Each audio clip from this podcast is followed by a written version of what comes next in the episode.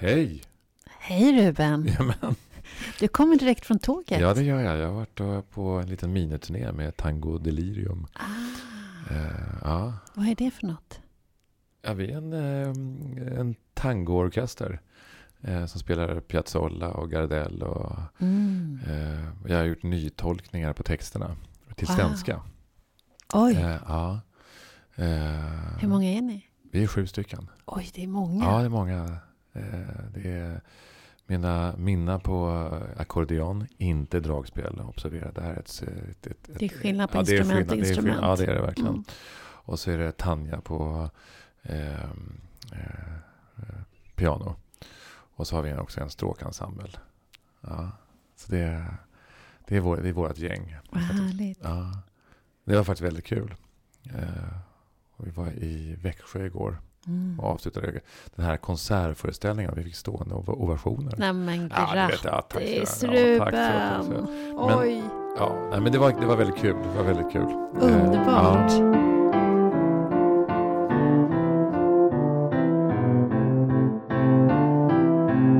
Därifrån kommer jag. Var kommer du ifrån? Idag kommer jag ifrån eh, dels handledning. Sen har jag också, eh, sitter jag just nu och pluggar Mm. som tusan. Vad pluggar du det nu är då? dags för tenta. Ja, Mm. vilket ämne är du inne på nu? Mm, just nu är det mycket medkänsla, compassion, salutient ledarskap. Och sen är det hur du gör en kognitiv eh, beteendeanalys. Mm. Så det sitter, sitter, ja, så lite sånt där sysslar jag med. Mm. Mm. Mm. Det är väldigt spännande. Det är det. Ja.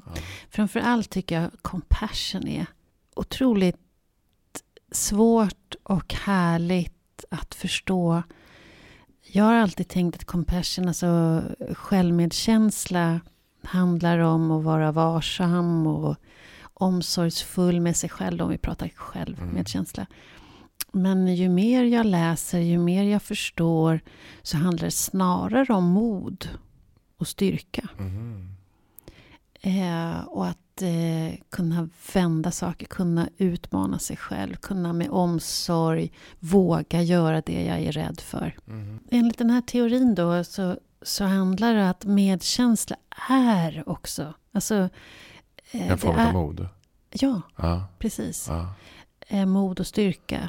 ja. Så att när du till exempel, jag vet inte hur det är för dig, men vi, jag har ju då och då en kritisk röst inom mig ja. som talar om att det här var inte tillräckligt bra eller det här kunde jag gjort bättre eller usch varför där gjorde jag på det där sättet. igen, Nej, alltså. du har aldrig Nej, hört en sån röst. Nej. Nej, men den Åh, besöker herregud. mig då och då. Ja. Ja. Och då kan man ju, då uppfattar man ju det, vår hjärna uppfattar ju det som ett Mm, hot. mm. Det är, det är faktiskt lika hotfullt som om någon utifrån skulle säga, eller om det skulle komma en bil körandes här, att det är Mm. samma intensitet av hot med den Mm. där självkritiska rösten. Just det. Så att då går jag i försvar och kanske Mm. börjar gå till angripa andra och Mm. mig själv och Mm. piskar mig själv och så. Men då är medkänslan en otroligt viktig faktor för att få lite, Mm.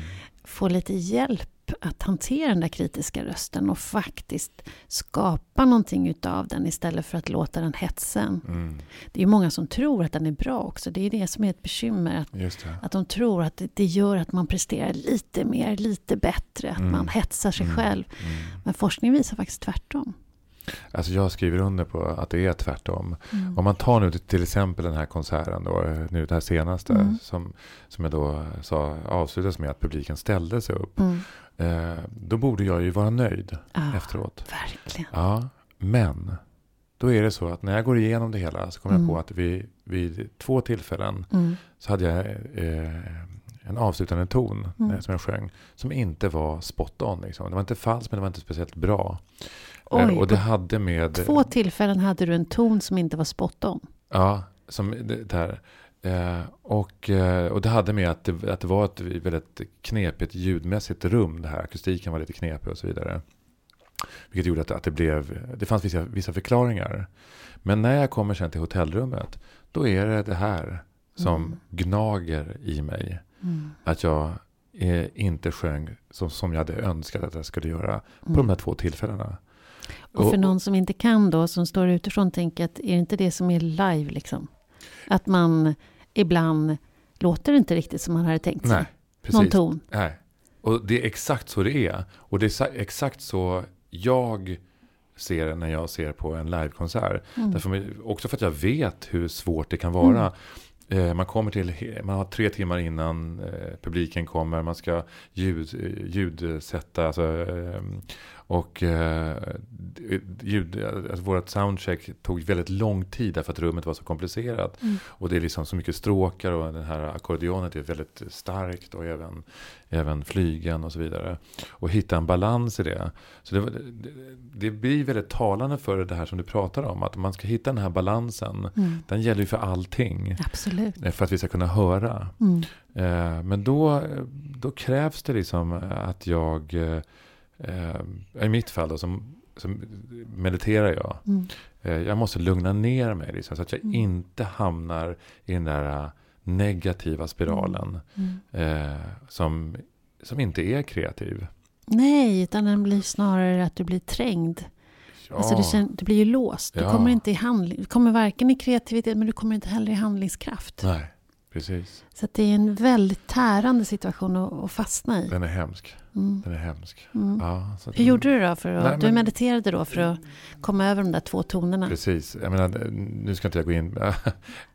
Det, det låter ju som en bagatell. Men Ja. det, det, jag förstår det. Men, men det. Och det är klart att, att de där två tonerna, om, man nu, om det nu bara var det. Mm. Eh, så eh, det är klart att de nog avspeglar andra saker som sker Mm. i mig också. En, Mm. annan, en, en annan brist på tillfredsställelse. Eller tillit. Eller tillit liksom. Och eh, kanske också en känsla av utsatthet. eh, Mm. Som, som vi faktiskt är. Vi är vi, när vi står på scen Såklart. så är vi faktiskt utsatta. Vi utsätter oss liksom för att stå där inför Mm. hundratals människor. Eh, vilket oftast jag tycker är underbart. Men det är efteråt när, man, när just de här tankarna, den här medkänslan med sig själv, inte alltid är på topp. Mm. Och det har ju väldigt mycket, i mitt fall, med var jag kommer ifrån. Mm. Eh, alltså min uppväxt Mm. eh, som var väldigt kritisk. Eh, och, eh, och, men det, det, det, som, det som händer i det här, det är egentligen inte det som... För jag sitter ju här och pratar med dig om det här. Och, eh, så det, det, är ingen, det är ingen verklighet, ska jag säga, utan det, det är snarare ett eko eh, som plötsligt börjar låta igen. Eh, Men känslan kan ju vara lika stark. Absolut. Fast det är ett eko. Att nu och här så kan ju känslan vara lika stark som då. Ja, men den, idag är den lättare att få tag på. Mm. Och jag kan också... Eh, jag kan Sätta göra, den i sitt sammanhang. Ja, precis. Mm. Och då blir det lättare. Mm. Men du, vi, vi har en gäst idag. Vi har en gäst. Oh, oh, oh. En eh, kommundirektör. Ja, Ja. Upplandsbro. Kommundirektör. Ja, det var svårt att säga. Ja, men det var, det var många... ja, Ja, Ida Texell. Ida Texell. Jag är jätteglad för att hon kommer hit. Hon är inte bara kommundirektör. Ja. Eller kommun, ja. Utan hon är också ordförande för scouterna i Sverige. Hon var tidigare räddningschef på räddningstjänsten. Vet du hur många kvinnor det är i räddningstjänsten idag? Nej. 6 procent. Så att det är ett fåtal som har krossat glastak och blivit chefer där. Och Wow. Ida är en utav dem. Mm. Hon har också varit ledamot i regeringens delegation Agenda 2030. Och hon grundade ett kvinnligt nätverk som heter Magma för ledare som arbetar med krisberedskap när hon var räddningschef. Som jag vet har varit väldigt stöttande och viktigt för många Mm. kvinnor i den branschen. För många är ju ensamma chefer. Just det. Alltså ensamma som kvinnor. Och också hon har varit aktiv eh, för, eh, inom hbtq. Eh, Ja, mänskliga rättigheter Mänskliga skulle jag säga att hon är rättigheter, ja. aktiv. Har Ja, varit aktiv i och drivit mycket frågor. Där HBTQ är en. Det- är en del, ja. Precis. Ja. Ja, nu kommer hon. ja, Ska jag hämta henne? jag tycker det. Ja, det gör det.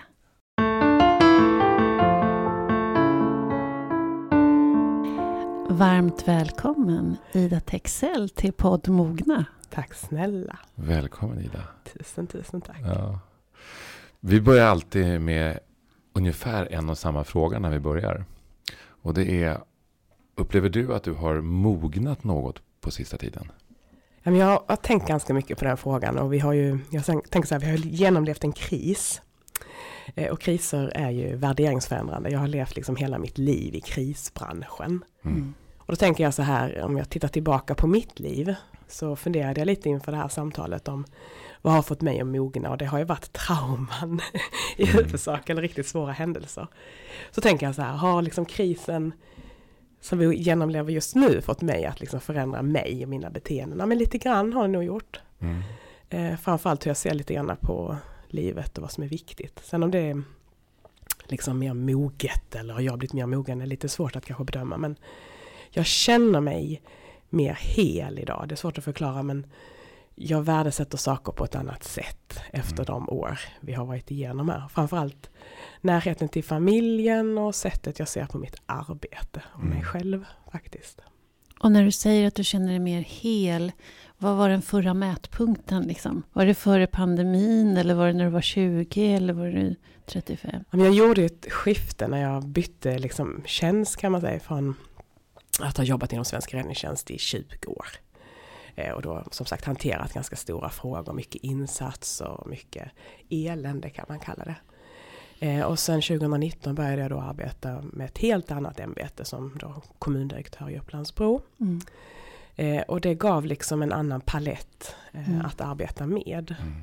Och sen kom då den här covid-pandemin som liksom utlöste en krisreaktion skulle man kunna säga i det svenska samhället Mm. och i Mm. världen. Verkligen. Eh, och så kunde jag på något sätt relatera mig själv med de erfarenheter och de liksom, vad ska man säga, upplevelser jag har tillgodogjort mig och i förhållande till där jag befinner mig idag. Så att jag skulle vilja säga att om man tittar på tiden liksom 2010-tal Mm. och nu så Mm. tycker jag att det är ganska stor skillnad på hur jag ser på livet och hur jag ser på mig själv och Mm. hur jag ser på framförallt vad som är liksom värdighet och Mm. vad som är viktigt för mig. Mm. Jag tänker när du med din enorma erfarenhet av att jobba med krisberedskap och förhållningssätt och, och kunskap naturligtvis att leda eh, organisationer i, med den typen av uppdrag. Påverkade den kunskapen dig hur du hanterade dina egna reaktioner nu vid covid? Ja men det skulle jag nog vilja säga. Alltså värderingsförändring handlar om att du ser på livet lite annorlunda. Det vill Mm. säga att det som var viktigt igår kanske liksom du inte bedömer som lika viktigt idag. Eh, Så kriser trycker liksom fram det i oss. Det vill säga att Mm. det omskakar, är nästan som ett trauma. Mm. På lite olika plan. Det kan vara på ett individuellt plan, man förlorar nära anhöriga eller blir svårt sjuk själv. Mm. är med om en olycka eller så, så vidare då. Eller i detta fallet liksom på samhällelig nivå där liksom det verkligen föll ut. Eh, liksom hur olika stater såg på säkerhet och Mm. vem kunde väl tro liksom att de franska gränserna skulle stängas på grund av Mm. munskydd och Mm. vad är egentligen solidaritet och Mm. hur ser vi liksom på liksom världen tillsammans. Mm. Liksom, så att i covid-fallet eller i covid så tycker jag att det föll ut på lite olika sätt.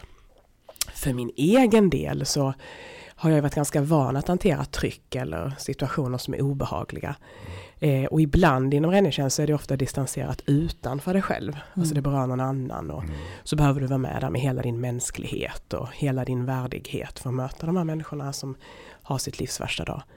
Men i mitt fall i Svenska räddningstjänst så handlar det mycket om de personliga riskerna jag utsattes för, vilket är en annan sak tycker jag. Att jag som människa, eller jag som liksom Ida, Mm. utsattes för vissa påtryckningar och faktiskt, ja men som jag kan se tillbaka på, lite trauman då, som fick Mm. mig att reflektera en mer kring vem jag vill vara. Mm. Liksom, så, vad som är viktigt för mig.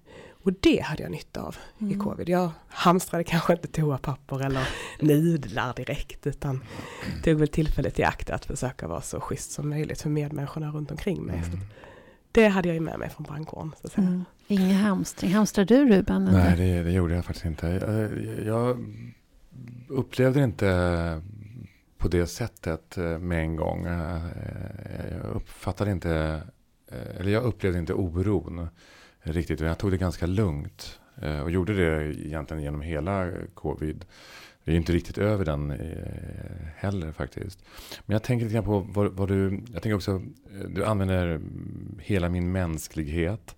Viktigt, du pratar om solidaritet, det är sådana här olika ledord även i mitt liv tycker jag. Alltså att, man ut, att jag utgår ifrån mänsklighet, mänskligt, eh, hur, hur, hur, hur skulle det här vara för mig?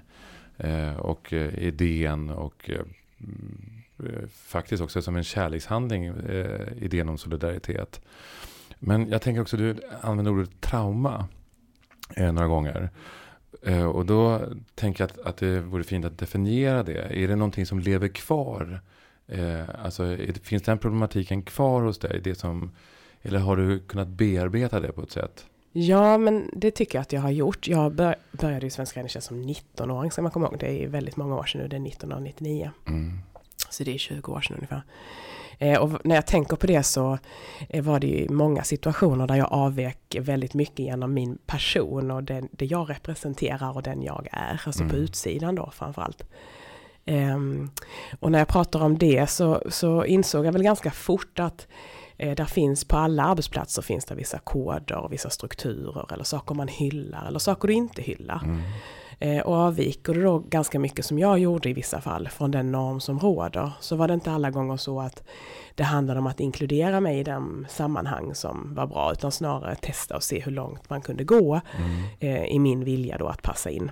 Mm. Jag, säga, jag hade ju drömt om att jobba inom svensk räddningstjänst länge liksom. Så att för mig kom det handla om väldigt mycket att jag ville, en stark driv och en stark vilja att vilja tillhöra. Eh, och i, inom ramen för det så var jag beredd att kompromissa inledningsvis ganska mycket kring vad jag tillät och vad jag då tyckte att jag kunde förmå. Mm. Eh, tills liksom några tillfällen där jag insåg att det här går inte så bra för mig som människa med hänsyn tagen till de värderingar jag har eller den människa jag vill vara eller de sammanhang jag vill välja att exponera mig själv i. Mm.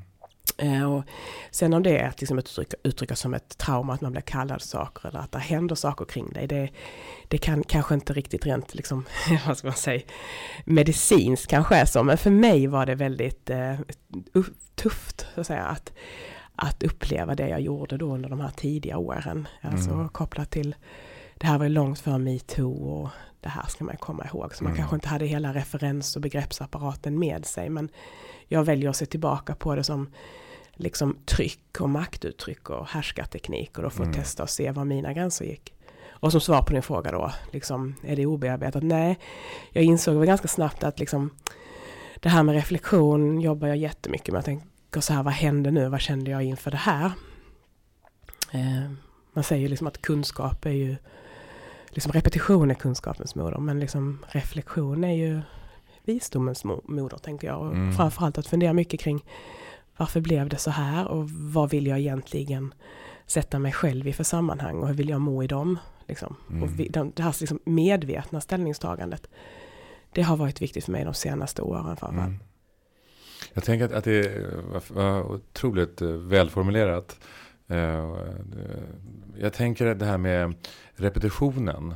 Därför att eh, så som jag ibland definierar just trauma så är det just att, att någonting går på repeat. Liksom, eh, som en gammal skiva där, där spåret blir väldigt djupt. Och eh, eh, ja, liknelsen vid en vinylskiva går väl fortfarande. Men att spåret blir väldigt djupt men den, den, den byter inte spår. Nej. Och då är det ett trauma liksom, som man inte kommer ur. Den repar eh, dig. Ja, just det. Mm, går ner dig. Mm. Eh, men du, du menar med visdomen att det är någonting som blir fördjupat och därför kan du ändra spår?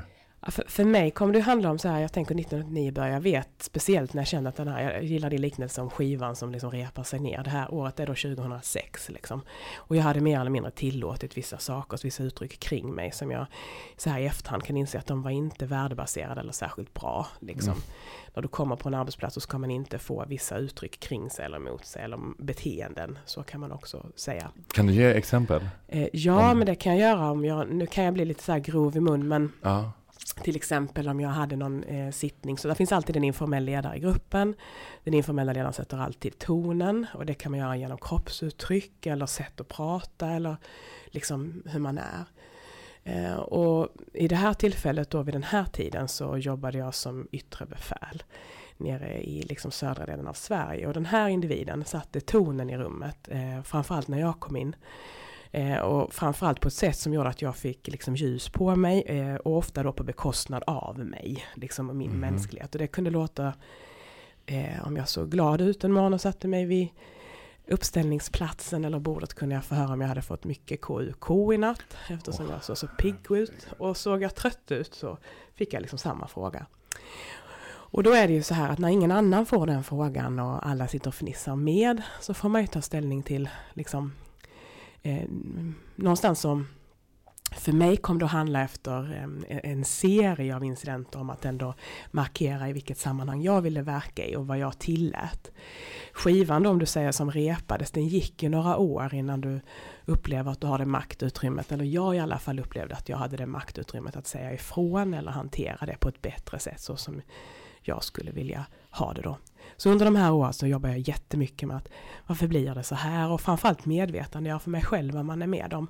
För ibland tänker man ju att um, man vill hitta en logisk förklaring på det mm. och inte vara för, hur ska man uttrycka det, liksom känslig eller man vill ju passa in och liksom så fit in or fuck off liksom. Vilken nivå lägger du dig? När ska du tycka att du kan contain det som händer och mm. ändå liksom rycka lite glatt på axlarna? Eller när ska du vara den som tar normen i örat och säger ifrån att det här är inget kroppsspråk eller språkbruk som skapar en välmående arbetsplats. Um, så att jag skulle vilja faktiskt adressera det. Mm. mm. Det tänk... kräver lite när du själv liksom. Så. Och du var 19-20 år vid det här? Ja, Nej, det, 25 det ungefär så. Ja. så att, som sagt, det var ju mycket som hände före metoo. Man har blivit mer medveten ja. om det här liksom, härskarteknik och sättet man mm. jobbar med varann. Och hur viktigt det är att tonen är schysst och att, liksom, man, är schysst, att man är schysst mm. som människa med varandra. Mm. Så den tiden formade mig oerhört mycket.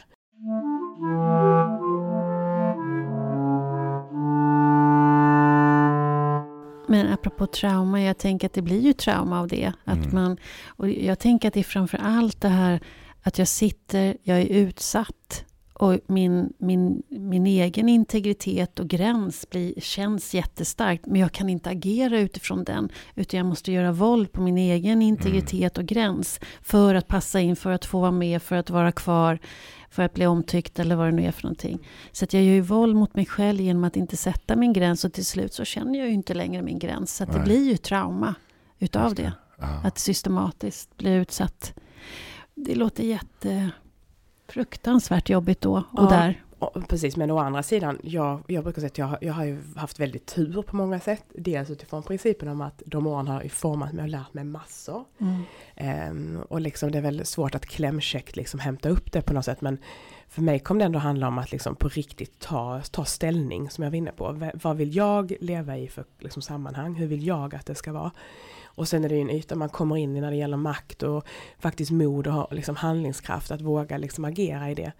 Men det fick mig eh, liksom ändå, ska man säga, att byta spår bland annat då. Att liksom mm. få upp den här med ganska rejält mod, lyfta den här, vad ska man säga, liksom lilla pilen som ligger och skrapar i skivan mm. till ett annat sätt att tänka och inte minst för mig själv.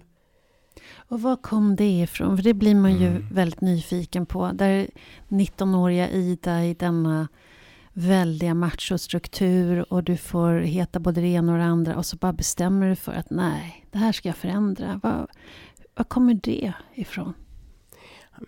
Ja, jättebra fråga. Jag har tänkt jättemycket på det liksom Finns det med en hela tiden? Nej men det tror jag inte det var i mitt fall. Jag är en ganska glad person och tycker liksom om människor skitmycket och tar in dem liksom med all, all, allt det som är jag. Så jag blev faktiskt, jag var faktiskt lite oförberedd och det kanske är liksom så naivt att säga så här men det fattar du väl om du går in och sådär liksom en procent som det var då, liksom kvinnliga brandmän eller kvinnor. Som var, du, var du den enda eh, ja, som, kvinnan? I ja, sommaren 1999 var det så. Då hade man inte haft eh, kvinnliga brandmän på just den eh, brandstationen där jag Nej. jobbade då sedan tidigare. Första kvinnan som började jobba i då, eh, deltidsstrukturerna var 1997. Men, och sen eh, Svensk räddningstjänst har väl idag 6 procent kvinnor skulle jag tro. Mm. Så att det var ganska ovanligt på den tiden, nu är det 20 år sedan. Mm. Men då tänker jag så här, kom det med det från början? Men, nej, jag, jag tänkte väl att det kan väl absolut inte vara något problem. För det är min tanke om människor att liksom, man vill göra ett jobb och man gör mm. väl liksom sitt ämbete. Så att jag var nog lite småtagen på sängen av det där inledningsvis. Men fick ju liksom möjlighet att ändå som sagt både reflektera kring det och ta ställning. Och där någonstans växer det fram som en liksom, liksom en vad ska man säga, ett skav i bröstet som jag tänkte att jag vill ju adressera det här. Jag vill liksom inte hamna i en situation där jag blir bitter eller mm. att jag känner mig liksom ledsen på mig själv eller hamnar i situationer där jag inte värdesätter min lilla liksom, yta här på jorden. Mm. Så att det, eh, det kom att liksom bara bubbla fram och ju mer jag märkte att jag, jag kan inte aktivt ta ställning för andra människor och för mig själv ju bättre mådde jag. Det är som Mm. kärlek, liksom, man kan inte överdosera det. Man kan inte, liksom, inte överdosera omtanke heller. Och när det är dåliga saker som händer, du kan aldrig överdosera civilkurage. Det går inte liksom. Nej. Det finns liksom med dig alltid. Och det smittar Ja, dessutom. det smittar ja, och Mm. folk blir liksom mår bättre och så. så att det, det, det är liksom, det fyller mig med trygghet. Mm. Alltså förstår ni? Att Mm. jag kan alltid, jag kan vila tryggt och fint i det. Att Mm. ja, men, jag sover bättre och jag inbillar mig att skulle mina barn gått bredvid mig så hade de varit liksom lika stolta över mig som liksom de är i normala fall. Alltså även om jag hade varit då på en arbetsplats eller vad nu är. Mm. Så att det ger mig så här skön känsla av liksom eh, Men jag, godhet. Eller vad man säga. jag är ändå nyfiken på det där modet. För det är ändå skillnad på att inse att nej, men det här går inte, det här kan inte jag. Det här, det här vill inte jag utsätta mig för, så gå därifrån. Eller att försöka passa in så mycket som det går. Det är en ren överlevnadsstrategi. Men att istället välja att försöka förändras. Var kom modet ifrån? Har du fötts med det? Ja, men, nej, jag vet inte riktigt var det kommer ifrån egentligen. Jag tror att det liksom växer fram i mig liksom efter Mm. under liksom, framförallt den tiden där, åren kring 2000-talet och framåt.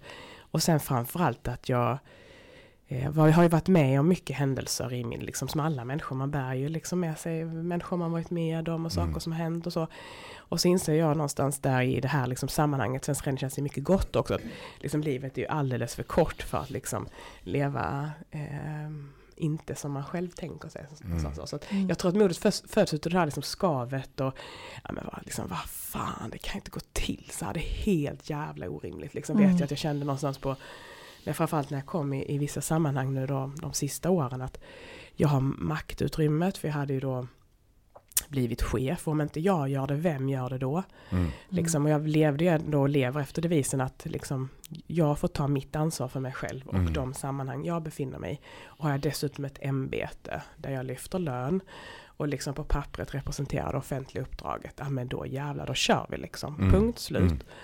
Eh, sen var det ju såklart förknippat med olika typer av taktiska val på Mm. resan för att Mm. inte liksom eh, gå sönder helt eller så. Men också faktiskt bli framgångsrik som jag ändå Mm. vill se det som att vi blev efter ett tag. Att vi kunde liksom balansera, jag och mina team, på bra taktiska lösningar men Mm. ändå liksom få ett större sammanhang. Så jag brukar kalla det att jag värmer upp vattnet liksom kring mig.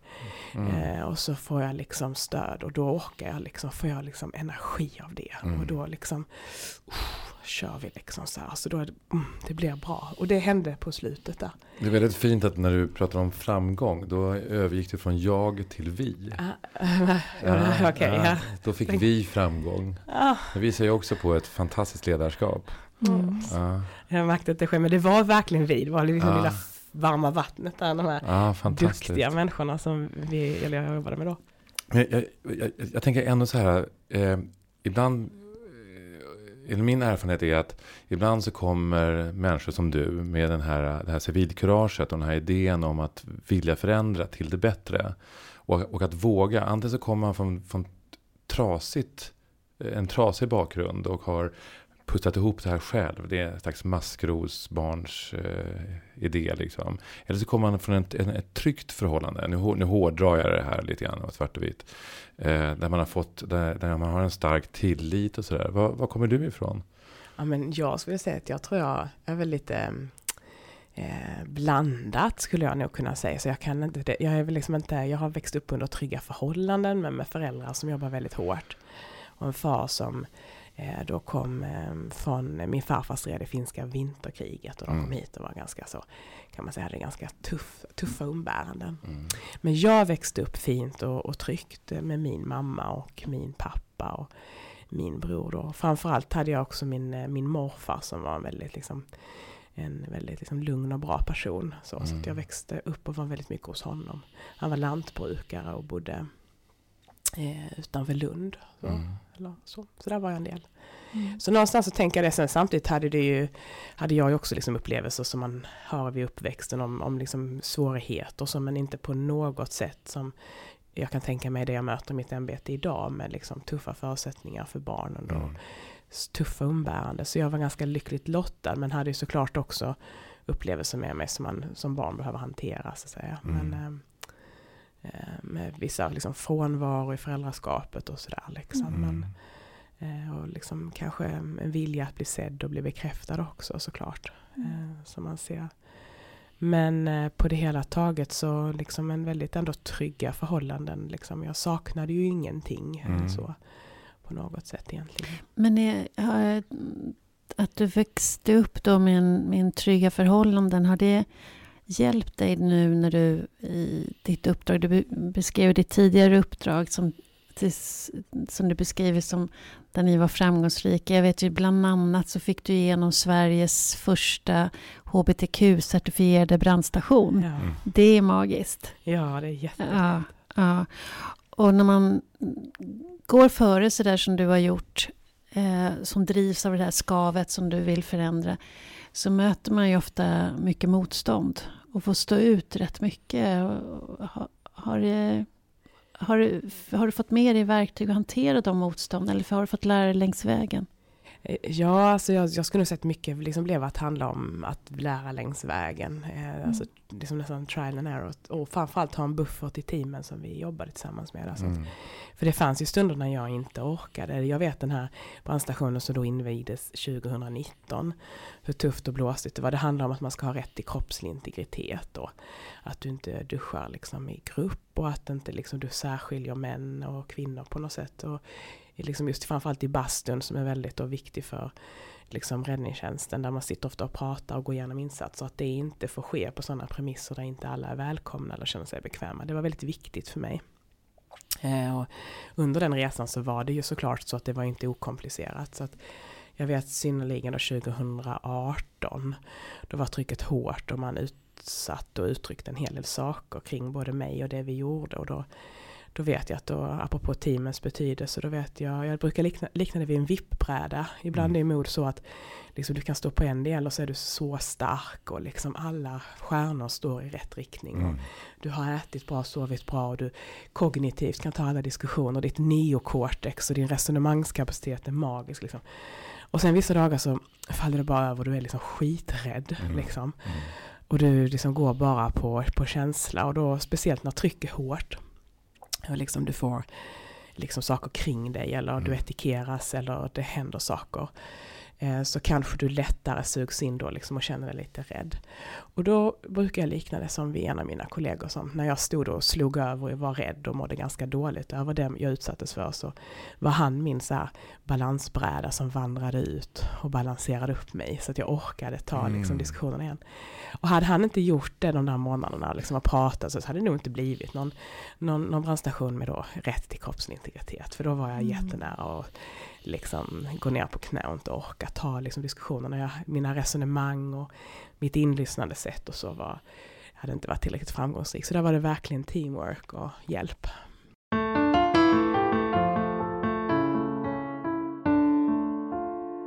De som, som eh, mötte dig med motstånd, vad, vad, vad, är det de vänder sig mot? Eller vad var det de vände sig mot? Vilket, vad var det de upplevde som ett hot?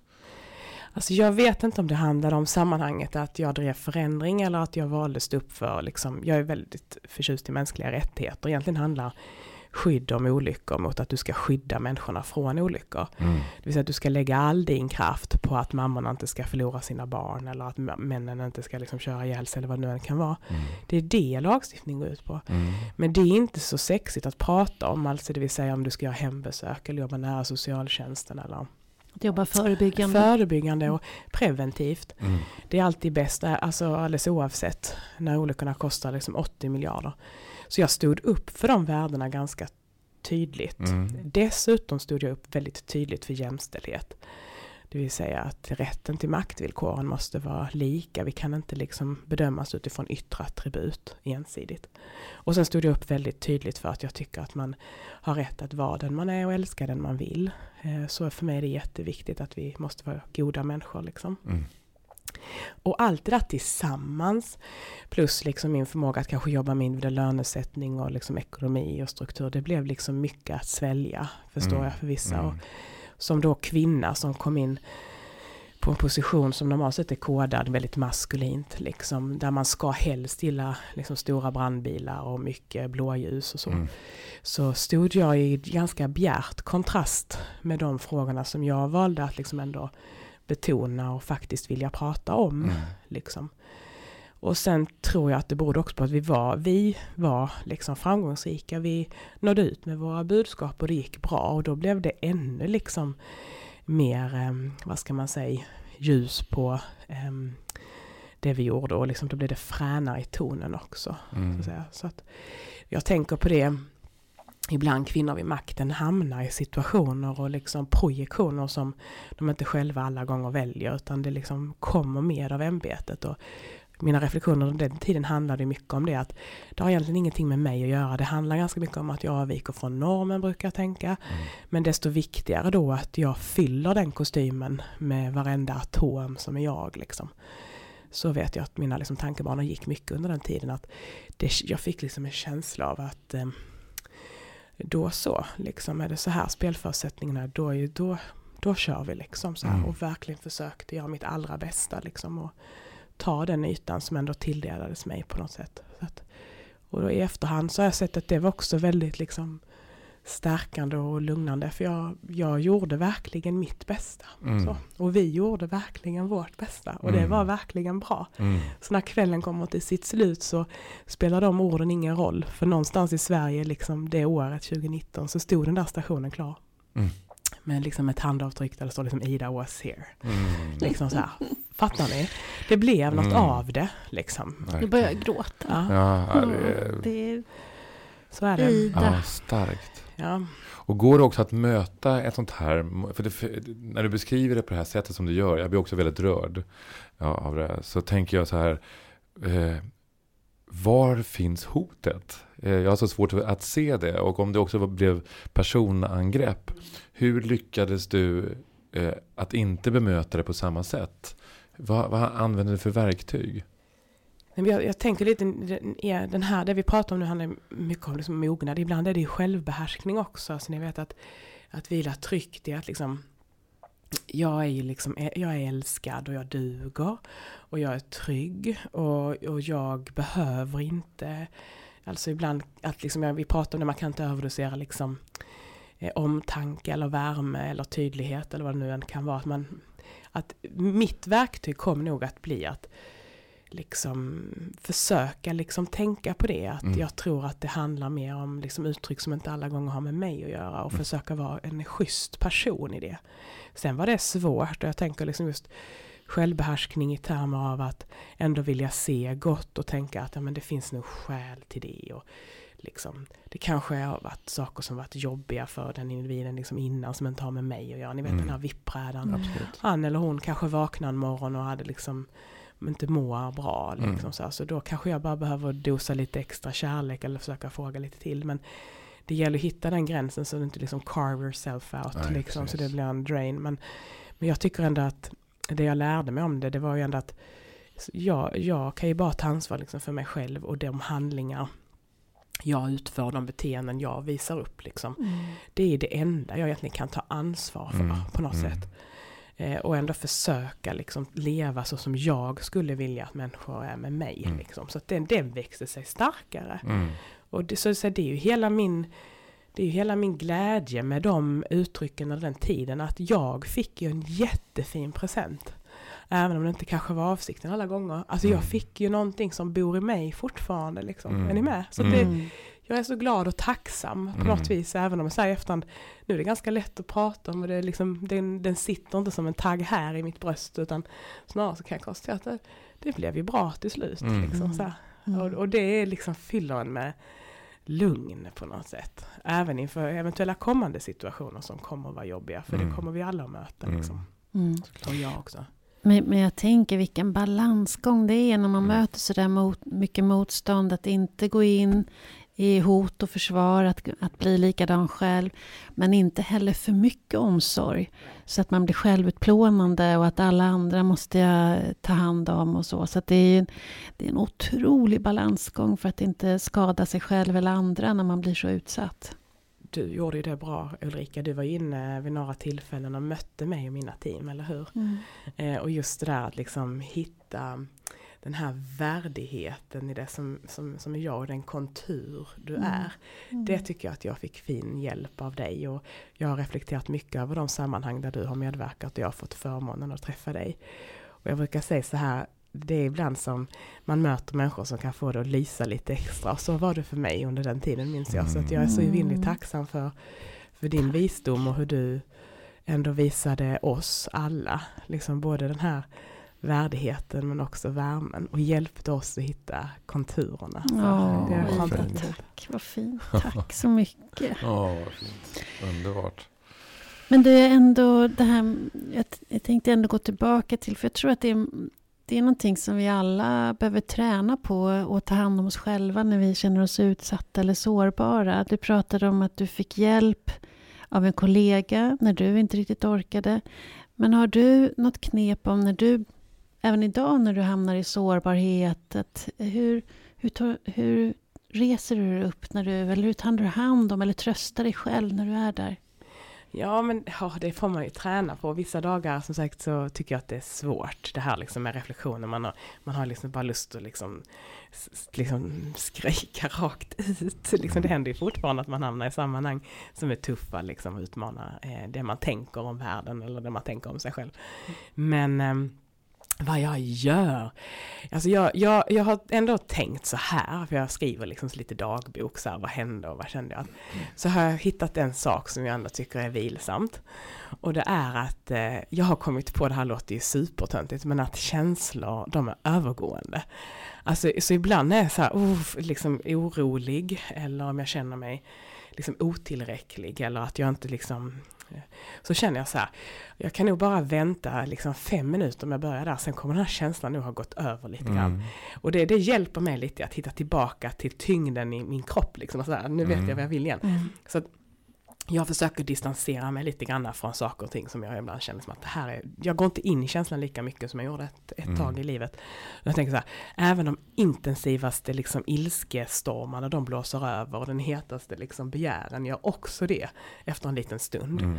Så att det är inte så dumt ibland att liksom bara sätta sig och andas lite och tänka lite att ja ja, nu får vi liksom tänka lite framåt snart om en stund men nu kan jag liksom bara invänta på att den här vågen liksom sköljer lite över mig och så. Så mycket acceptans. Ja, acceptans, ja Mm. det är nog det, är det ordet jag letar efter, att acceptera att nu är jag liksom arg, det kommer att gå över, Mm. eh, om en liten stund så kommer det kännas bättre. Mm. Så, Mm. så att eh, det tycker jag att jag jobbar ganska mycket med, att Mm. acceptera sammanhang och nuet mycket mer. Finns det tillfällen när du eh, tycker att det är berättigat att bli arg? Att markera ordentligt mot någon som beter sig illa eller i ett sammanhang? Ja, det tycker jag nog. Alltså jag brukar inte, jag blir ofta väldigt tydlig och lite högljudd. Mm. Så här, sen kan det uppfattas som liksom assertive, liksom så här, människor kan tycka att det är liksom kanske aggressivt. Men jag tycker inte jag är aggressiv, man kan vara väldigt tydlig och säga att det här var inte bra, liksom, Mm. vad tänker du om det? Liksom, min upplevelse är att jag tycker att det blev så här och så här, delar du det? Eller liksom, vad kan vi göra åt det för att det inte ska bli så här igen? Mm. Så att jag kan nog snabbare gå in och säga stopp idag om jag skulle se situationer som jag brukar säga ibland så känner jag först, alltså jag upplever en känsla. Och sen innan jag hunnit liksom kognitivt bearbeta den till vad som hände. Och hade jag lärt mig det verktyget tidigare då när Ida var 19 så hade jag ju tagit de här samtalen kring fikabordet där det Mm. blev liksom i diket mycket effektivare, schysstare och liksom mm, proffsigare. Mm. Men det har ju tagit tid för mig att lära. Det är väl bara att omfamna det att alla människor har sin resa. Och eh, för mig tog det några år. Liksom ganska ödmjukt bara konstatera att jag var inte så bra på det men jag har blivit bättre. Och jag har säkert jag har massor att lära. Men, Mm. men det är också det det innebär att vara människa. Att vi föds ju liksom inte perfekta. Vi kommer inte dö heller som perfekta människor. Men Så alltså det har varit tråkigt. liksom, ja visst det hade varit jättetråkigt. Här, Mm. vakna och tycka liksom att nu är jag, nått upp till the perfect stadium. Liksom. Men nej, men det tog mig lite tid innan jag hittade liksom de här Ja. verktygen. Men jag kan nog fortfarande känna att det hettar i bröstet. Ja. Orättvisor eller ja, när jag ser att människor liksom far illa. Då kan jag bli så här, oh, då känner jag igen den där Ja. liksom, frustrationen och liksom, oh, det Ja. liksom kokar upp lite. Som en, och då brukar jag liksom, här är något jag ska kanske utforska lite så här. Det får blåsa över, men vad var det som hände och varför kände jag så? Och det hjälper mig väldigt mycket verktygsmässigt att sätta ord på det. Men vad, vad, jag, förlåt, förlåt. Vad, vad, jag hör är att, att när du blir arg, Mm. som, du, eh, som- jag inte riktigt hörde att du blev, men att du stänger inga dörrar, utan du, det, det, du markerar, Mm. gränssätter, Ja. men det är fortfarande en fråga, det är fortfarande så att du är mån om att dialogen ska fortsätta. Ja, det är det enda sättet. Ja, annars, det. annars så bor ju bara den upplevelsen här i, Just i mig det. själv. Liksom Och att- det gör ont. det gör ju ont. Ja, Så ju mer man kan liksom få, fa- få fatt på det och lägga det på bordet ihop så kan man ju ja. prata om det. Liksom, så här. så att det, det tror jag liksom, konflikter i, i sak löses ju jättebra så. Vi brukar skoja om det, liksom, om du är, lever i en relation och så blir ni superarga på Mm. att du går in och ställer, stänger dörren på ditt rum och så sitter ni där och surar, det löses ju inte. Utan man måste Nej. liksom ha den här också acceptansen för att vi ser Ja. saker liksom olika men också ha tillit till andra människor att du kan berätta om detta Ja. och ändå liksom ha tilliten till att de också vill hjälpa dig och ta ett ansvar för liksom lösningen. Det. det. Det, det är liksom, jag tror vi ska leva efter den devisen. För jag tror världen blir en bättre plats då. Ja. Att vi ska ha tillit till att vi kan lösa problem bättre tillsammans. Men då måste vi ha mod att våga prata om det vi ser också på ett schysst sätt. Utan att liksom ge varandra alldeles för mycket knäppar på näsan eller Mm. pekpingar i, i Dömande. ögonen. Liksom. Mm. Alltså så hur gör man det? Jo, jag tror att det är liksom det är någonting vi behöver alla bli bättre på. Liksom, Ja. Att visa varandra den respekten i att ändå våga prata om det som är svårt. Liksom. Du, du pratar om den här balansbrädan. Mm. Eh, eh, om jag säger sårbarhet, stämmer det då? Att, man, Mm. att, det, att i, i, eh, också i när du markerar så finns också ett sätt att öppna dörren men man, du visar också din sårbarhet. Ja, Och på det sättet så kan också di- dialogen fortsätta och att det gör, gör också att du förstår den personen som kanske agerat fel. Ja, men det, jag, det, det är jättefint uttryckt. Jag tror det är det jag försöker förmedla. Att det, är, det, är ju liksom, det är ju jobbigt att öppna liksom hela liksom ditt bröst vidöppet och tala om att liksom, jag upplever det så här. För det ger ju eh, andra personen en möjlighet att ha en ingång i dig. Ja. Men så visst är det en sårbarhet att liksom blotta sig själv i de upplevelser man är med. Men jag tror det är det enda sättet att leva liksom, livet fullt ut. Annars så liksom är det ju, återigen, jag tror människor trivs bäst i sina sammanhang och jag tror det är viktigt att vi liksom lever genom varann på något Mm. sätt. Att, att, att för mig är livet det. Ehm, jag inbillar mig att det var det som fick oss att liksom överleva som art också, att vi ändå valde innerligt att tro att vi ändå kunde tillsammans liksom forma en bättre värld. Jag tror det är även i dags anda med ganska spetsiga samtal så är det sårbarheten som saknas i mångt och Mm. mycket. Att man vaktar så mycket på sin position och vem som ska ha option på sanningen och vem Mm. ska få monopol på den exakta lösningen. Mm. Och liksom verkligheten är ju inte en mat- matematisk algoritm, den är full av liksom av, av brister och sprickor liksom. Så de Mm. måste vi prata om. Mm. För det skapar liksom en tillit och en trygghet mellan oss som människor tror jag. Så att det, det har jag hittat i mig själv reflektionsmässigt. Det ska, ska jag jobba mer med. Liksom. Mm. Jag vet inte hur ni tänker om er själva och era världsvillkor. Men jag tror sårbarhet är jätteviktigt. Mm. Mm, det tror jag också, men det är ju också otroligt jobbigt att vara i sårbarhet i relation till andra. Att det, är ju, det, det, det signalerar ju att det är farligt Mm. i kroppen.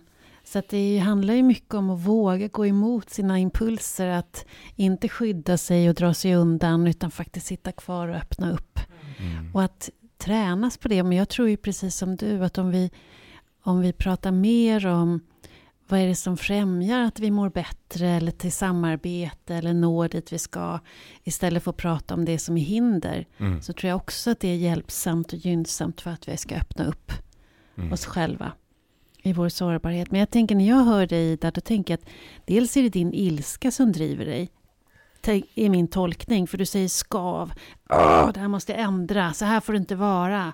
Fan, liksom så här får det inte se ut. Och samtidigt kombinerat med den här sårbarheten och öppenheten för att lyssna in och förstå andra. Hur har vi hamnat här? Mm. Det är en, det är en unik kombination, tänker jag. Ja, Vackert. Mm. Exakt, nu blev jag tårögd. Jobbigt. Ja. Men du har ju kontakt med någonting eh, uppenbart Mm. som är väldigt specif- speciellt. Ja, jag, oh, jag säger, nu får ni inte hålla på för mycket så här. Nu ska jag snart tillbaka och lösa en budget på jobbet. jag ska hålla liksom, kog kognitionen på plats. Ja.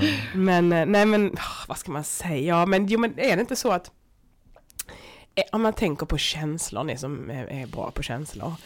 Alltså det, de, man har ju mest egentligen ganska så här, eh, jag tror vi har övervägande mängd sådana här känslor som inte är så positiva. Är det inte så? Jo, Och att affekter. vi har liksom, och så bara ganska få som är så här varma och, och lulliga. Mm. Eh, så, så har jag i alla fall tänkt, jag vet när jag reflekterade någon, liksom var det kommer ifrån och varför liksom frustration och ilska kan användas som bränsle. Så Mm. insåg jag liksom att, när jag li- listade upp mina då, så läste jag någon bok om det var den här eh, Tänka snabbt och långsamt kanske, Mm. som beskrev det ganska väl också. Att, liksom, då gäller det att kunna, ni vet, ehm, hantera dem, eh, kapten Amilgada eller vad man ska kalla det. Man måste liksom behärska liksom, sin förståelsehorisont kring dem. Och det gav ett väldigt tröstrikt verktyg för mig att man kan inte leva i den här liksom, eh, lulliga världen, för de flesta känslorna är ganska liksom, lite jobbiga. Mm. Och det var väldigt liksom, lugnande i min egen tankevärld om just reflektion som liksom, verktyg. Att, Mm. Fan, jag är sjukt normal liksom. Jag ska bli förbannad då och då. Mm. Och jag kan använda det fast på ett bra sätt. Liksom. Men du, du berättar ju också här att du återgår till dig själv mellan varven och säger att du är tillräckligt bra och att du är bra som du är också. Och älskad. Och, och, och att du känner dig älskad. Och det, det är ju någonting som jag tänker att många av oss eh, hamnar i sådana hål eh, mellan varven. Och då är det lätt att, att, eh, att, att eh, agera reaktivt. Eh, speciellt om man eh, känner sig utsatt. Jag tänker på också vad, vad förändringar just kan vara. Att förändringar kan ju vara väldigt hotfullt också. Att människor kan känna sig hotade av att, det, att, att någonting... eh, Och då kanske just det här när vi var inne på det här med trauman. Om man då inte har bearbetat det på det här sättet. Att man kan återvända till sig själv och säga men jag är bra som jag är. Eh, jag förstår inte riktigt vad Ida vill här. Eh, men jag, jag, jag vill gärna veta. Och istället så eh, agerar personen reaktivt och eh, säger, uttrycker sig på ett, på ett, på ett, ja, på ett mindre bra sätt. Och så blir det konflikt. Jag tänker att det är ofta, jag tänker också på mig själv ibland att, eh, att eh, tidigare så var jag betydligt mer reaktiv. Därför jag kände mig hotad. Därför jag inte hade kontakt med, med mitt trauma. Med, med det som var i mitt liv av att inte känna sig älskad till exempel. Men eh, med tiden så sakta men säkert så ser jag att ja men tre djupa andetag här. Och eh, kanske en, en tanke och en, en, en, att återvända till sin, till sin mage brukar jag säga. Eh, och eh, landa lite grann innan jag svarar. Eh, och att det också eh, ofta blir bättre. Eh, det är inte alltid det blir så. För ibland så kan man ju faktiskt möta ett motstånd som inte är känslig för att man visar sårbarhet. Utan det kan till och med, dolken kan tryckas in ännu djupare. Eh, och det är ju besvärligt. Ja. Men det med, om jag reflekterar på det du säger, så det, det man i alla fall kan ta med sig av det, det är ju att du har ju gjort liksom vad du kan. Det är också väldigt så här tryggt Mm. och trösterikt. Att du, man kan aldrig förfoga över andra människors val eller beteenden. Nej, Men man kan ju ta ansvar för sig själv i det. det. Och liksom ändå känna liksom att ja, alltså jag kan känna en stolthet över det sättet jag agerade på. Mm. Även om det sen inte blev liksom jätteframgångsrikt så får jag ju ta med mig och fundera kring vad kan man göra nästa, nästa gång. Men att inte ta ansvar för andra människors liksom känslor eller Mm. att inte ta ansvar för andra människors handlingar fullt ut. Det har hjälpt mig väldigt mycket Mm. att ehm, sortera som nästan två glasburkar. Liksom att Mm. här lägger jag mig själv Mm. och det jag har gjort och liksom så. Här lägger jag det andra har gjort. Och ja, så kan jag försöka problematisera och liksom resonemangsmässigt förstå vad andra har gjort. Men jag behöver också förstå mig själv. Och liksom då lägger jag idag mycket mer tid på den lådan om mig själv. Mm. Samtidigt som jag försöker vara väldigt mycket vänligare med andra. För jag vet ju inte vad de har haft med sig under resan. I, i, liksom, i min liksom ändå fina, liksom, om man nu får uttrycka så, uppväxt och fina villkor som jag eh, liksom, hade privilegiet att få vara med om. Så, så i början naivitet handlar kanske om att man projicerar mycket på andra och tänker att så här måste det ha varit. Mm. Tills man inser att det inte alls så. Liksom. Och det var Mm. väl det som hände mig där efter några år. Att liksom jag börjar i den här korgen som är jag. Eh, och så får jag liksom... Eh, men det, jag, jag, som sagt, det låter ju ändå... mm, det är väl lite hoppfullt ändå, sitter jag och tänker. Att, och även om man bjuder på den liksom öppenheten i bröstet, även om inte människor tar den inbjudan så kanske de gör det nästa gång. Mm. Och det kanske är så att de tar med sig liksom ett litet liksom strimma ljus av det som, som du delar och så tar de med sig det till något annat. Det vet du inte heller för du Nej. lever ju inte deras villkor. Nej. Och det, så ibland har jag så här som metod så här en, en oändlig fantasi. Jag tycker om att fantisera väldigt mycket och liksom kanske lite väl mycket ibland. Och så, så, så i huvudet så kan jag liksom säga, ja men det blir säkert bra och så kan jag fantisera om villkor att man plockade nog med sig det i alla fall. Mm. Nu ska vi tro att det här blir liksom så. Och det, Mm. det kan ju vara ett liksom verktyg att ändå tänka gott. Och bygga hopp. och bygga hoppet i det här. För jag, Det är ringa på vattnet Så, och att ja. det och allting kan vi inte få Ja. ett kvitto på. nej, du kan inte det, men du kan fantisera om kvittot. Tänker jag. Eh, så det gör jag ibland. Och då har jag läst att det finns ju, du har ju hundra miljarder nervceller i ditt huvud. Det är liksom lika mycket som himmelens alla stjärnor. Ja, Lika mycket som en hel stjärnhimmel bor liksom i, bakom ditt pannben. ja. Och sen tänker jag så här, varje sån liten nervcell så, när den ska koppla, kan den göra det 10 000 gånger. Mm. Och så stärker du den, så byggs det lite myelin runt det axiomet och så bara zzz. Och har du liksom då fantiserat peppiga prylar så till slut liksom, så har du en hjärna som är lite botad. Ja, ja. Men Och så det- fungerar det ju. Då Ja, hjälper det mot skit, alltså. Ja, är du med? Och då, då kan du våga ännu mer nästa gång, tänker jag. Så att jag har det lite som teknik ibland, att tänka liksom gott om andra. Även om det liksom inte har gått så toppen. Bara försöka tänka att det var säkert skäl till det. Det kanske så här, hunden kanske hade Jag tycker- dött och så kanske man har liksom, ja men det, det låter kanske lite förlöjligt, men ni, ni förstår ni hur jag Inte tänker, det hjälper Inte jag mig. tycker det låter som ett Det ger lite Ja. hopp liksom. Ja, men att bygga positiva nerv... Alltså scheman, det tycker jag låter toppen.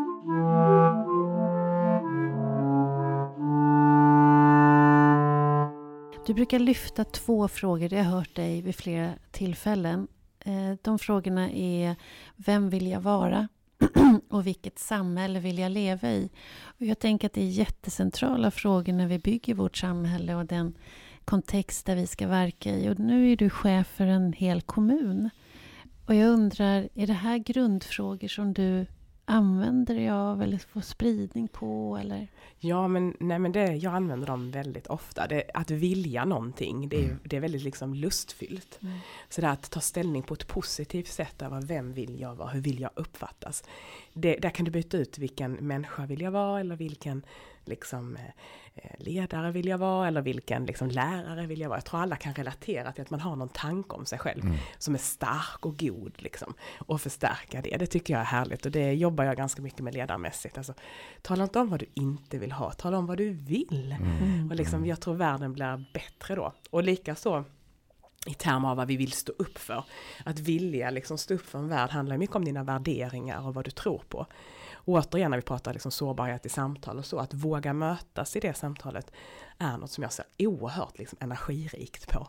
Mm. Alltså vem vill jag vara? Liksom, hur vill jag ha det? Mm. Det är superläckert. Liksom. Mm. Och ibland lägger vi för mycket liksom, retorik kring hur man inte vill eller vad, vilka problem som finns. Om man återgår till de här myelinskidorna då. Mm. Om människorna hade liksom, fokuserat mer när det gäller liksom, vilja att vara någonstans så tror jag att vi hade byggt starkare.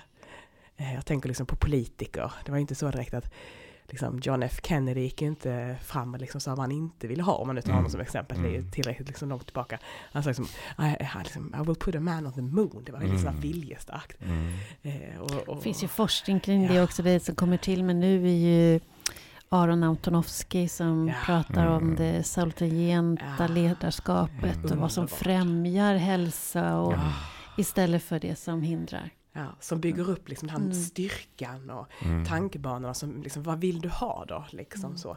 Jag tror inte i sak man blir så glad. Det gäller vilka relationer som helst. Om man bara får höra vad man gör fel hela tiden. Mm. Och vad man inte ska göra. Det blir ju helt knasigt. Liksom. Mm. Så att jag vill det här. Eller jag vill, jag tänker det här. Liksom. Mm. Det tycker jag är så himla energirikt. Hur tänker du att vi kan få mer sådana samtal i vårt samhälle? Att vi, ja men, vilket samhälle vill vi ha? Hur ska vi leva ihop? Jag, jag tänker ju att eh, det hade varit eh, fantastiskt underbart liksom att nu jobbar jag i en demokratiskt styrd organisation, vilket Mm. är väldigt liksom, viktigt. Jag tar ändå mitt tillfälle i akt att prata med mina företrädare om det, att hur mycket energi det ger människor att få liksom, liksom ja, lyssna på vad man vill ha liksom. Mm. Så när jag ger, om man säger som tjänsteperson, får man lov att ge råd Mm. eh, i alla fall och skriva fram underlag. Och då gör jag Mm. alltid det och tala om vad du vill ha och liksom Mm. dröm stort om det. Ibland behöver du liksom skjuta rakt på människors liksom limbiska system. Eh, Martin Luther King gör ju det jättefint tycker Mm. jag. Jag älskar Mm. honom, jag lyssnar på Mm. allt jag Mm. kan om honom. Han kunde ju allting teoretiskt och statistiskt men han pratar alltid till människorna vad han vill. Och ni vet ju hur det blev liksom. Mm. Eh, Min son och jag lyssnade på hans P3 dokumentär, nej P3 Historia var det nog. Mm. Eh, och så pausar vi i mitten för Sixten då som han heter. Han vi lyssnar mycket, han har ganska grav dyslexi. Så vi lyssnar liksom och så pratar vi om det. Och så. Mm. så frågar jag så här, men varför tror du alla människor kom och lyssnar på liksom, liksom MLK, då det var 1963 i Washington. Ja. Och så, så säger han inte något på länge för han tänker väldigt, han är väldigt klok tycker jag såklart. Så säger han så här, men mamma säger han, det var ju inga människor som kom och skulle lyssna på Martin Luther King för Martin Luther Kings skull. Mm. De gick ju dit för sin egen. Ja. Ah. Fan alltså, tänk om man... Ja men du vet, det här viljan att liksom, Ah. för mig som människa Ah. spelar detta roll. Mm. Och jag vill vara med här. Mm. Alltså det här liksom starka. Nej, det skulle jag vilja att vi pratar mycket om. Jag tycker det finns Mm. många goda företrädare i Sverige idag också. Mm. Ehm, Hur gammal är din son? Han fyllde 13 år i Ah. förrgår. Ah, ni Grattis. grattis. Tonåring. Vad heter han? Sixten. Sixten, Sixten, underbart. Men det, där visar det också någonting, alltså hur viktigt det är också att, att lyssna på våra barn och att vi också kan faktiskt få ut en hel del klokskap från våra barn som inte har gått hela varvet som vi har gått, eller flera varv av, av att ha blivit lite eh, liksom matta på vissa saker. Barnen är ibland väldigt rakt på, spot on liksom. Och en skärpa tycker jag. Och en skärpa ja, ja, vad härligt. Vet du, jag ska säga innan vi avslutar det här att jag har faktiskt en relation till din kom- kommun. Nej. Jo, det har jag. Jag är där ganska ofta. Inte lika ofta Ja. som min dotter och min fru. Kan du gissa vad, vad de gör i Upplandsbro? Uh, eh, um, ehm, de rider. jaha. På Upplandsbros eh, stall. Stallet Nej, vad ja. trevligt. Var ja. taket blåst av? Ja, precis. Men där, jag. det är ett fantastiskt stall. Ja. Ja, det är bland de finaste ställen jag har sett. Och det är en faktiskt. fantastisk kommun. Ja. jag. Såklart. Med 13 mil stränder. Ja, ja, härligt. ja. Ja, vad roligt att höra. Ja, för du, vet, du vet att vi har Sparks där. Eh, Ja, för unga att hitta sin grej. I know. Och precis, jag pratade precis med Alexandra som har grundat Sparks innan jag kom in hit. Så jag ska göra det här. Hon bara shit vad fett. Eh, och så sa, du vet, eh, nu visste jag inte det här om din dotter och så. Men då sa hon, du vet det här, för vi skulle vilja göra en grej med scouten också. Ja. Sikt. Så sa hon, ja för det här med ridningen, där var så himla många som inte visste ens att det fanns. Från grupper Ja, som liksom det. inte någonsin har liksom velat hitta sin grej. Så att det är Ja. återigen det här att vilja hitta sin grej tycker Ja. jag är jätteroligt. Så vad härligt att de har hittat sin grej i vår fantastiska kommun. det tyckte jag var roligt. Underbart. Ida, vi ska avrunda. Eh, och det är en fråga som vi ställer till alla, men jag har vinklat den lite efter dig nu, för du tycker jag genomsyrar så mycket av det som vi också tänker när vi tänker mognad. Vi, omdömen om dig som jag har hört, som vi också har pratat här om idag. Du är modig, man tänker innovation, nytänkande, man tänker civilkurage, styrka. Och jag tror att vi alla är överens om att sådana här krafter behöver vi mycket mer av i vårt samhälle. Vad tror du att vi behöver göra för att vi ska få den typen av krafter och att växa och utvecklas hos oss människor? Åh, det är en jättefin och svår fråga. Jag, tycker jag känner att jag mest liksom svamlar här kanske, men. Ehm, ja, men det jag skulle önska det är ju faktiskt att eh, man hade haft liksom en, eh, en annan typ av upplägg i, i barn och ungas utbildning. Mm. Nu blev ju barnkonventionen lag. Men om man nu pratar om det här, vilken människa vill jag vara? Det Mm. handlar också om maktvillkor och möjlighet att ha egen makt. Mm. Mm. Artikel 12 i barnkonventionen då som nu är svensk lag, den är vi dåliga på. Jag skulle vilja att man Mm. pratar med barn och unga. Det är liksom det där någonstans som vi bygger styrka tror jag. Mm. Sen skulle man ju önska att det här med vilken värld man vill leva i, vi går in i en tid nu där det blir mycket val och så, Mm. att man med väldigt stor, eh, hur ska man uttrycka det nu, omsorg, eh, faktiskt som människa, alldeles oavsett ålder, eh, tar på stort allvar liksom de förutsättningarna demokratin som vi står inför. Mm. Jag tror det är ett väldigt viktigt kärl att hålla i. Sen hur man kommer dit, jag tror samtal och samtal och samtal är jätteviktigt. Mm. Eh, vi lever i en tid, där, som, som vi pratade om innan, där liksom optionen på sanningen, liksom, eller monopolet på sanningen är liksom svårt att navigera i. Mm. Vem kunde tro att man liksom skulle storma Kapitolium liksom, Mm. den 7 januari i år? Mm. Liksom på, på villkor som man kan från utsidan kanske undra en del över. Men Mm. Mm. jag tror att barnen måste vi arbeta med. Jag skulle vilja att det fanns ett mer liksom, Mm. extensivt program om värderingar i, i skolans värld. Mm. Prata mycket om det. Mm. Så barnen, Topp. Barnen. Ja, det är där. Mm. Vi, vi pratade om det bara för, för något avsnitt sen. När, Mm. när det har varit en artikel just i en av våra stora tidningar med politiker som gick samman. Och det var inte en enda punkt av 20 punkter som just tog upp det här förebyggandet. Nej. Förebyggande arbetet för att någonting ska kunna få till en förändring. Man pratade om att stoppa gängkriminaliteten. Ja, men, och det var mest hårda straff. Och, Ja, Men handlar det inte om den här, liksom, det krävs ganska mycket liksom, energi att tänka långsiktigt. Alltså det är som Mm. att man jämför det med brandkåren, det var ju mycket populistiskt att välja liksom, stora brandbilar och tut och sprut. Det älskar Mm. alla kortsiktigt. mm. Men det krävs mycket större mod och eftertänksamhet om du ska börja jobba förebyggande. ja, Och det ger inga kortsiktiga vinster. nej. Så skulle man prata Och inte liksom, makt. och inte makt på kort sikt. Mm. Men det ger ju någonting i efterhand, Mm. liksom för någonting. Så, nej, jag håller med dig. Det hade varit fantastiskt fint om man eh, kunde ge ett utrymme i den svenska diskursen att liksom ändå titta mer på långsiktiga perspektiv och just Mm. vinster som inte du behöver äga utan Yes. som samhället på sikt behöver. Mm. Vilka slutord. Ja, verkligen. Amen. Amen säger vi.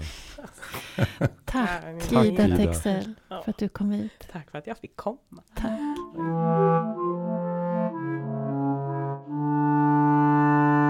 Wow. Det känns som det var så mycket visdom på 50 minuter så nu är huvudet fullt. Ja.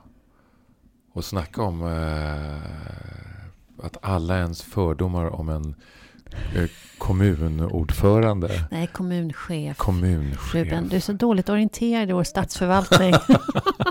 Okej, jag, jag, jag är det. Men kom, Kommundirektör. kommundirektör. Högsta tjänstemannen, högsta chefen Ja. i Upplandsbro. Ja, det var verkligen inte så eh, jag hade föreställt mig en kommundirektör. Mm. Ja, fantastiskt, vilken, vil- vilken människa. Ja. ja, Ida är, det är en stjärna på himlen faktiskt. Ja, Jag gillade jättemycket det där när hon, hon gjorde liknelsen mellan vår hjärna och mm, himlavalvet. Just och det. att vi själva faktiskt bygger vår hjärna. Ja. Genom att tänka peppande tankar eller fantisera om goda saker så påverkar vi vår hjärna. just det. Och vår omgivning. Såklart. Och det, det blir ju liksom någonting väldigt eh, existentiellt. Alltså eh, när, man, när vi närmar oss det religiösa på något sätt. För mig Mm. blir det att det finns, eh, när hon, vi kommer inte riktigt in på det, men det, det låg under för mig hela tiden det här att det, att det finns en dimension som är svår att, att riktigt definiera, men som är, som är, som är det här, exten, va, va, varför lever vi för? Varför är Mm. vi här? Meningen. Meningen. Och Mm. jag, jag tyckte att Ida liksom gång efter annan gav just meningen till varför vi är här. Vad, vad vi ska göra här. Verkligen. Och jag menar, hon talar ju om meningen med varför hon är här. Det var ju tydligt. Men såklart så handlar det ju om oss alla. Mm. Jag tänker att... Jag tänker, när jag hör Ida så tänker jag också på motståndskraft. Mm. Att eh, vi är så olika. Vi har så olika grad av motståndskraft. Alltså att hantera motstånd och hantera uppförsbackar och Mm. gupp som vi måste ta i för att ta oss över. Att, Mm. att hur kommer det sig att det är så olika? Det finns ju en hel del forskning kring det, varför en del överlever fruktansvärda, alltså psykiskt mentalt överlever Mm. fruktansvärda situationer och andra gör det inte. Att, Mm. att vi har faktiskt inbyggt olika grad av motståndskraft. Mm. Och när jag hör Ida då tänker jag motståndskraft. Mm. Ja, För att kunna ta sig framåt. ja. Att det, önskar att vi alla människor hade en hög grad av det. ja. Ja, men det var... Det var... Och också, men ändå så uttryckte hon ju också att hon kom från eh, ett tryggt, en trygg uppväxt. Mm. Eh, med, med de problem som finns i Mm, uppväxten. i Att det, livet. ja, i Mm. livet. Ja, men ändå att, det, att hon hela tiden kunde återvända till att hon var älskad. Mm. Eh, och det tror jag är en stor skillnad. Den som inte känner sig älskad. Mm. Där är livet knepigt. Mm. Mm. Och tänk om vi kunde få alla att få känna sig älskade. Mm. Eller åtminstone förmåga att älska sig själv. Mm. Ja, det blir nästan lite religiöst där. Ja, det blir det. Ja. Ja. Ja.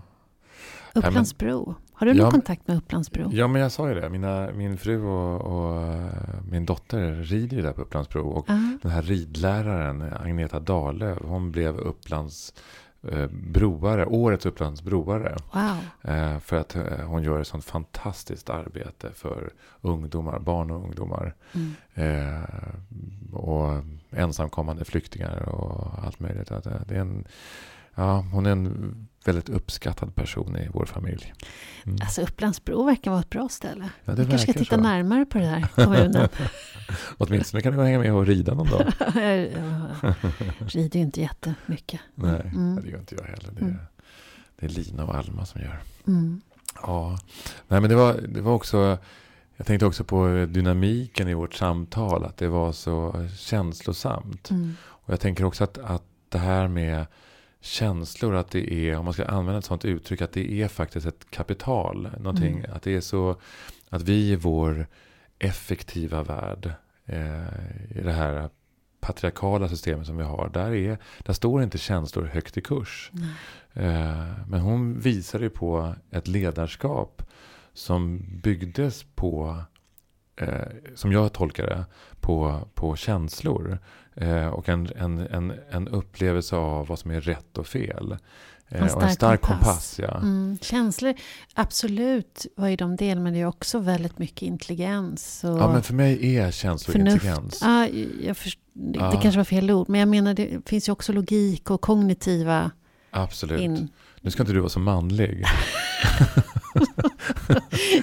det, det, ja, jag håller med. Ja. Mycket känslor och hur viktigt det är att inte de är borta.